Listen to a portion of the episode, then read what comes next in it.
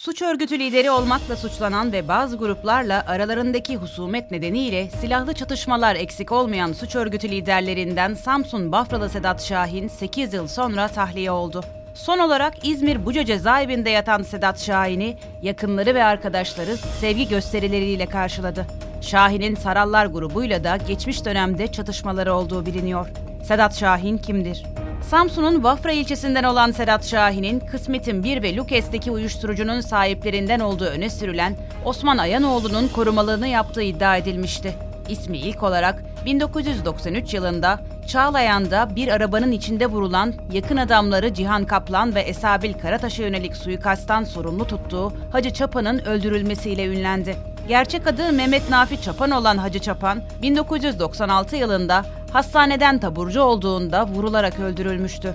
Suç örgütü kurmak ve yönetmek suçundan yargılanırken 2011 yılında tutuklulukta 5 yılı aştığı gerekçesiyle cezaevinden tahliye edilen Sedat Şahin 9 Ekim 2012'de bir kez daha gözaltına alınmış ve tutuklanmıştı. Hakkında çete kurmak ve yönetmek iddiasıyla yeni bir dava açılan Sedat Şahin, tutuklu kaldığı süre göz önünde bulundurularak 2014'ün Nisan ayında bir kez daha tahliye edilmişti.